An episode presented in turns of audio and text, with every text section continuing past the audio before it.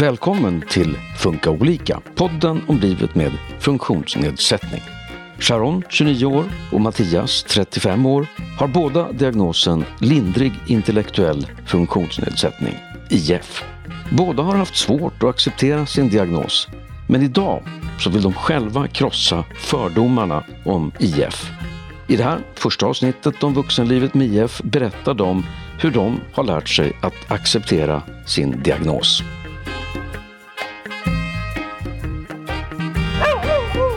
Jag heter Susanne Smedberg och eh, sitter här med eh, Sharon och Mattias. Hej på er! Hej! Hej, hej! Ni är i 30-årsåldern och har båda diagnosen lindrig intellektuell funktionsnedsättning. Ja, ja. jag fyller 30 år. ja, så pass. Hur gammal är du då, Mattias? Jag fyller 36 i år. Sharon, eh, jag börjar med dig då. Hur gammal var du när du fick reda på att du hade IF?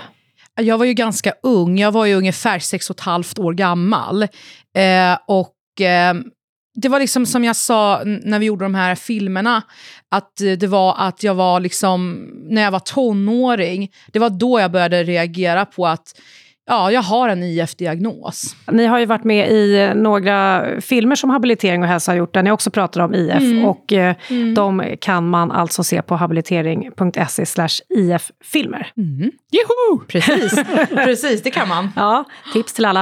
Eh, men, eh, så du var barn 5-6 eh, när du fick eh, diagnos. Yes. Men när, hur gammal var du när du förstod att du hade diagnos? I tonåren sa du? Ja, precis. Jag, ja, jag var liksom i tonåren där mellan 13 och 14 år gammal gammal. För det var ju det som jag eh, kände att det var väldigt mycket så här, äh, spring i benen, man var okoncentrerad mycket och det var där jag började reagera att någonting inte stod rätt till. Jag pratade väldigt mycket med min mamma om det och framförallt också min eh, skolkurator om det.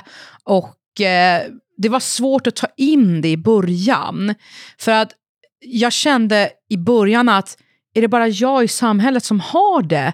Eller är det andra som har det. För först kände jag mig ensam. Men nu när det har gått så många år så har jag förstått att nej, jag är inte ensam. Visste du vad det var för någonting? Nej, inte i början. Men eftersom som jag sa där att jag fick mycket spring i benen, okoncentrerad och sen när jag fick reda på att det var ADHD och lindrig utvecklingsstörning. Och när jag hörde utvecklingsstörning blev jag väldigt ledsen. För att utvecklingsstörning, det var inte direkt det jag ville höra. För störd fick jag i huvudet direkt. Det var inget kul alls liksom.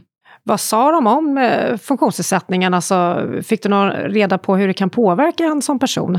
Alltså, inte så på det sättet, men, men eh, jag pratade ju väldigt mycket med min mamma om det här kring det. Och hon förklarade lite grann hur, det är, och, eller hur jag är som person som har en utvecklingsförsening. Men då sa jag till, till, min mamma och till den här skolkuratorn som jag pratade med om det här att ja, men jag känner mig fortfarande inte värdig när man säger att jag är störd. Det var typ så jag var i början när jag fick höra det. Nu säger man ju inte det Nej. längre, utan man använder ju intellektuell funktionsnedsättning. Ja. Är det viktigt, tänker du? Ja, det är det. Och det är mycket bättre nu än vad det var innan. Men jag har accepterat mig själv nu sedan många år tillbaka och det är jag glad över. Ja, verkligen. Mm. Eh, Mattias, eh, du då? Hur, det var lite liknande för dig att du fick diagnos när du var yngre, men du fick inte egentligen eh, själv reda på det, eller förstod det inte förrän du var lite äldre? Nej, eh, vi, man gjorde en utredning när jag gick på Tjejskolan, som det hette, eh, för att det inte fanns något intyg på det, sa rektorn. Och då gjorde man en snabb utredning där. Men det tog inte jag så mycket på allvar, men ung och liksom brydde sig inte så mycket om det då. Men sen när man växte upp och man av olika anledningar bedömde att man ville göra en till då, eller en ny rättare sagt. Och då gjorde jag det eh, vår, eh, hösten 2015 och var klar våren 2016. Eh, och den fick jag jag kunde inte acceptera det 2016. Eh, men sen så, så flyttade jag till Stockholm.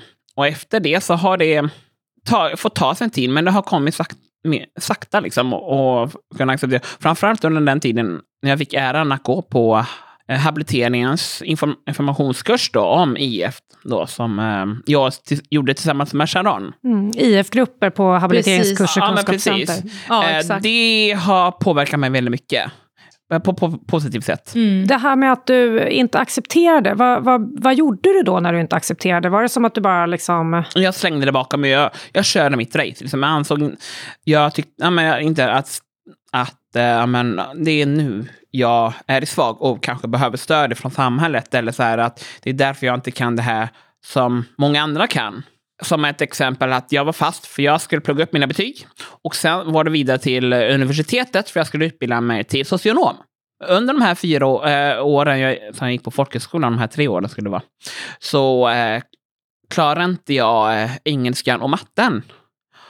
Och eh, när jag slutade så hade jag svårt att ta in det. Men nu under pandemin så har jag börjat acceptera det. Att jag har IF och där är anledningen till att jag inte klarar av engelskan och matten. Och för, för att sen kunna få utbilda mig vidare till socionom som var mitt mål. Eh, varför tror du att du hade svårt att acceptera diagnosen?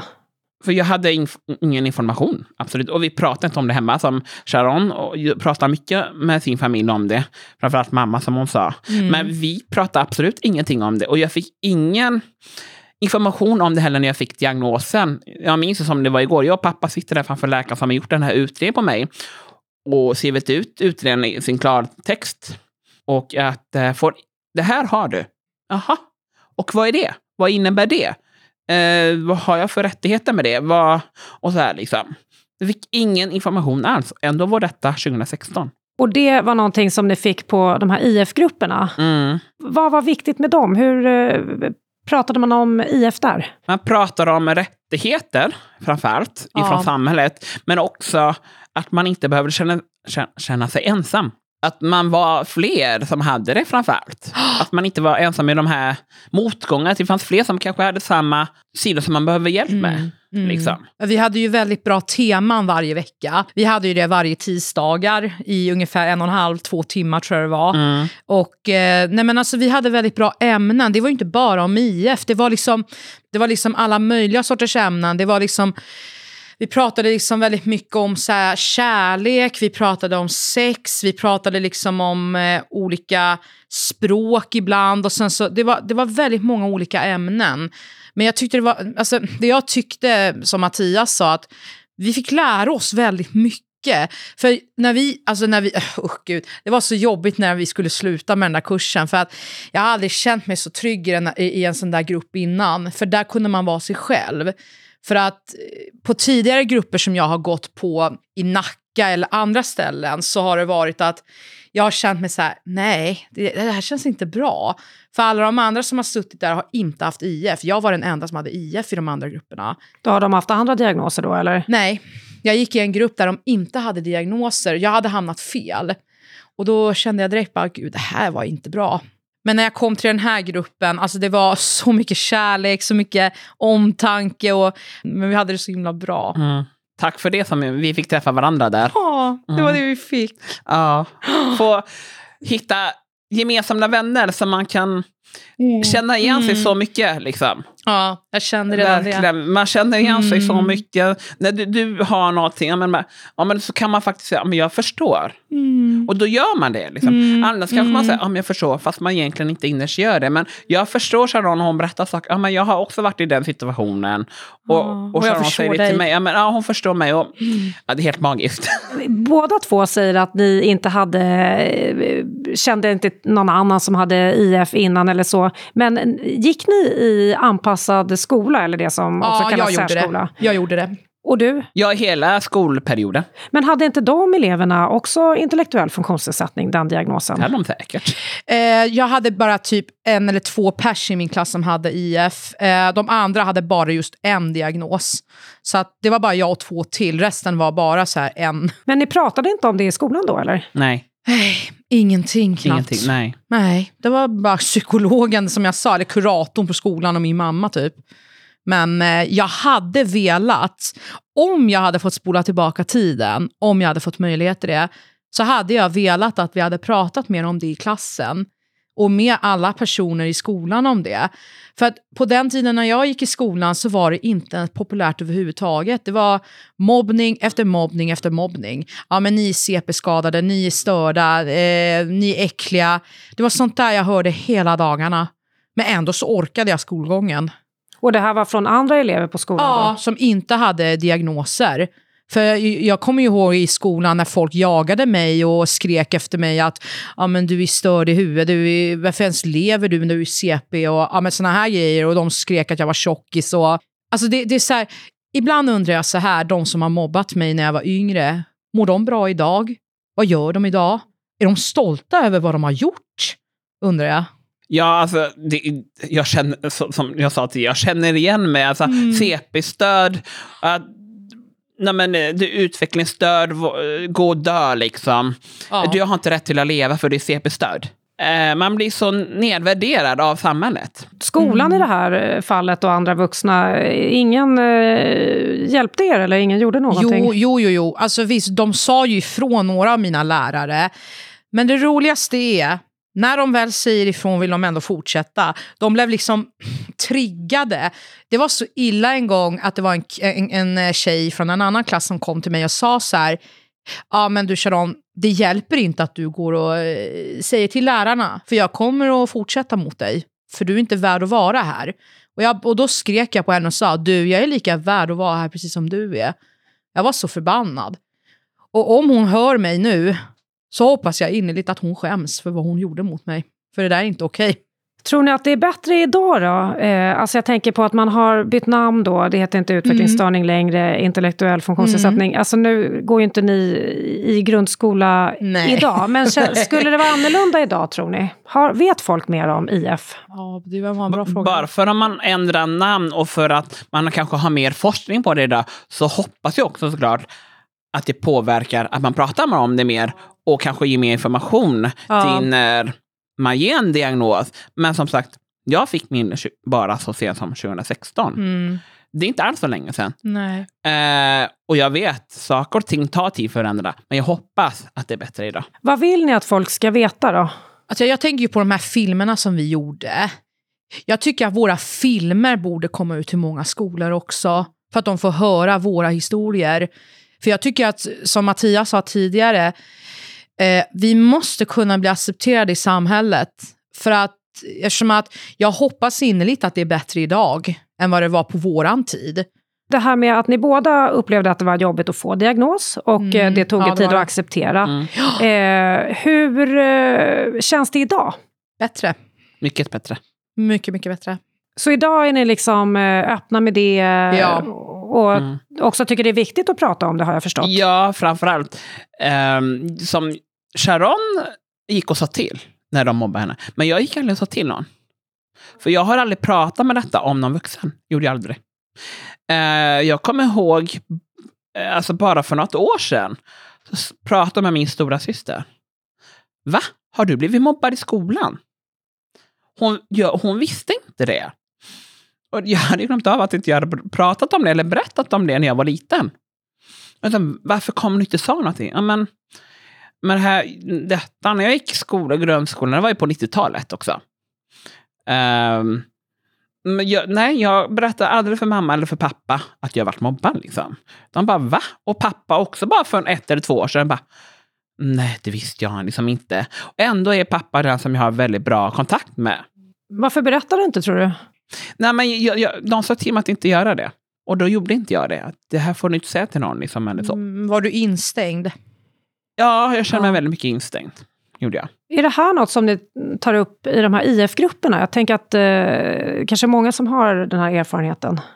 Jo, vi pratade lite, men inte jättemycket. Nej, lite Vi kan- pratade mer om det här med accepte- acceptans ja, i det. samhället. Mm. Det var väl typ mer det vi snackade Mm, om, men inte vad jag har någon minne av det här med mobbningen och det här. Inte på det sättet. Nej, va? mobbning Nej. pratar vi inte om så mycket om. Nej. Men eh, hur gör man då för att acceptera sig själv om man blir sådär nedtryckt? Få information, för det var det som hjälpte mig, Ja. tycker jag. Och prata, Ja. som Sharon gjorde. Ja, eller ta hjälp. Ja, ta hjälp. Ta hjälp och gå och prata med någon eller ja, börja på en sån här IF-grupp. Oh, För då ja. kommer ni att lära er så mycket, jag lovar det. Ja, och, inte, och, och, och också se att man inte är ensam. Precis, Mm. för det var det som jag sa i början här, att det var ju så jag kände när jag väl fick reda på den här IF-diagnosen när jag var liten. Nej, men nej, jag är ensam, fast nej, det är jag inte. Och det vill jag verkligen att alla ska veta, att ni är inte ensamma. Och det är jätte, jag, jag, jag får ju så ont i hjärtat än idag att det är så många där ute som inte kan acceptera sig själva fast de har en IF-diagnos. Och det vill jag verkligen att de ska göra. Du sa att du har ADHD också. Stämmer. Har det varit eh, annorlunda med den diagnosen? Både ja och nej. Men jag har ju kunnat hantera min ADHD-diagnos väldigt mycket. Jag har inte behövt ha mediciner bland annat. Eh, och sådär. Eh, men det enda jag märker av när jag har min ADHD-diagnos, det är det här att eh, ja, men man blir väldigt orolig och stressad. Man blir, man blir lätt uppjagad och förbannad när någon triggar mig och sådär. Men jag kan ju liksom hantera det. Låter som att det var också en styrka när du var yngre, att du ändå kunde säga ifrån, tänker jag. Ja, det var det jag tyckte också. För där kunde jag säga ifrån till den här tjejen som jag pratade om innan. Önskar du att du hade sagt ifrån där, eller var det liksom så långt ifrån möjligt? Ja, men som idag, jag föreläser om mobbning idag och då, då säger jag självklart att jag önskar att jag var så stark idag att jag vågade göra skillnad och säga ifrån. För det, det är på så sätt man kan markera och vara med och påverka till en positiv förändring. Mm, Men jag, jag var mm. så svag så jag vågar inte, jag orkar inte heller. Om vi går tillbaka till själva IF-diagnosen, eh, Mattias, hur skulle du säga att du märker av att du har IF? Men, nej, men det är väl att jag inte kan göra allting, precis som folk som inte har IF. Att jag kanske behöver repetera vissa saker för att det ska fastna i huvudet. Och att jag inte kan, jag kan inte läsa instruktionsbok och sen utföra att jag vill ha någon Först visa på datorn exempel, in på arkiv, klicka på spara som och sen skrev namnet där och sen där. Och sen får jag göra efter istället för att läsa en instruktionsbok. Eller ja, men klicka på arkiv, arkiv Mattias och sen bla bla bla. Liksom. Utan visa, jag gör efter. Mm. Sharon, du då? Ja, alltså, när jag märker av min IF, eh, det är ju det här att eh, jag är också så här lite som Mattias. Jag behöver också ibland läsa igenom saker ordentligt innan. För att jag har lätt ibland att missförstå saker. Och det ingår ju väldigt mycket i min eh, IF-diagnos. Och eh, jag behöver liksom tydligare instruktioner ifrån andra. Till exempel, vi säger så här, om jag skulle vara till exempel på ett ställe nu, vi ser ett arbete, då måste min handledare förklara tydliga instruktioner till mig. Så här, ja men Sharon, du ska göra det här. Han kan inte säga du ska göra det, du ska göra det, du ska göra det, du ska göra det. Alltså så här snabbt. Då blir jag superstressad. Så jag behöver verkligen en efter en efter en för att kunna hänga med. Och liksom, för annars blir jag jätte, jättestressad, jag blir upprörd och såna här saker. Ja, jag märker det också när jag är ute bland massa människor, när det är stora folkmassor och, och sådana saker. Men alltså, men jag har ändå accepterat det här för att eh, liksom, det har gått så många år nu och att jag har ändå förstått att ja, jag lever med en IF-diagnos men att ibland blir det lite för jobbigt med det. Tänker det här med att det blir jobbigt. Eh, det är ja. ju många med eh, IF-diagnos som i, i perioder mår dåligt. Alltså ja. det finns en psykisk eh, ohälsa. Ja. Vad tänker ni om det? Alltså, vad säger du? Jag har ju, jag har ju en psykisk ohälsa. Eh, och liksom i perioder så kan jag må riktigt dåligt, ibland så kan jag må bra. Det blir så här, det är variation, att man mår dåligt, man mår bra, man mår dåligt. Men när jag väl mår då dåligt, det är då jag pratar med kompisarna.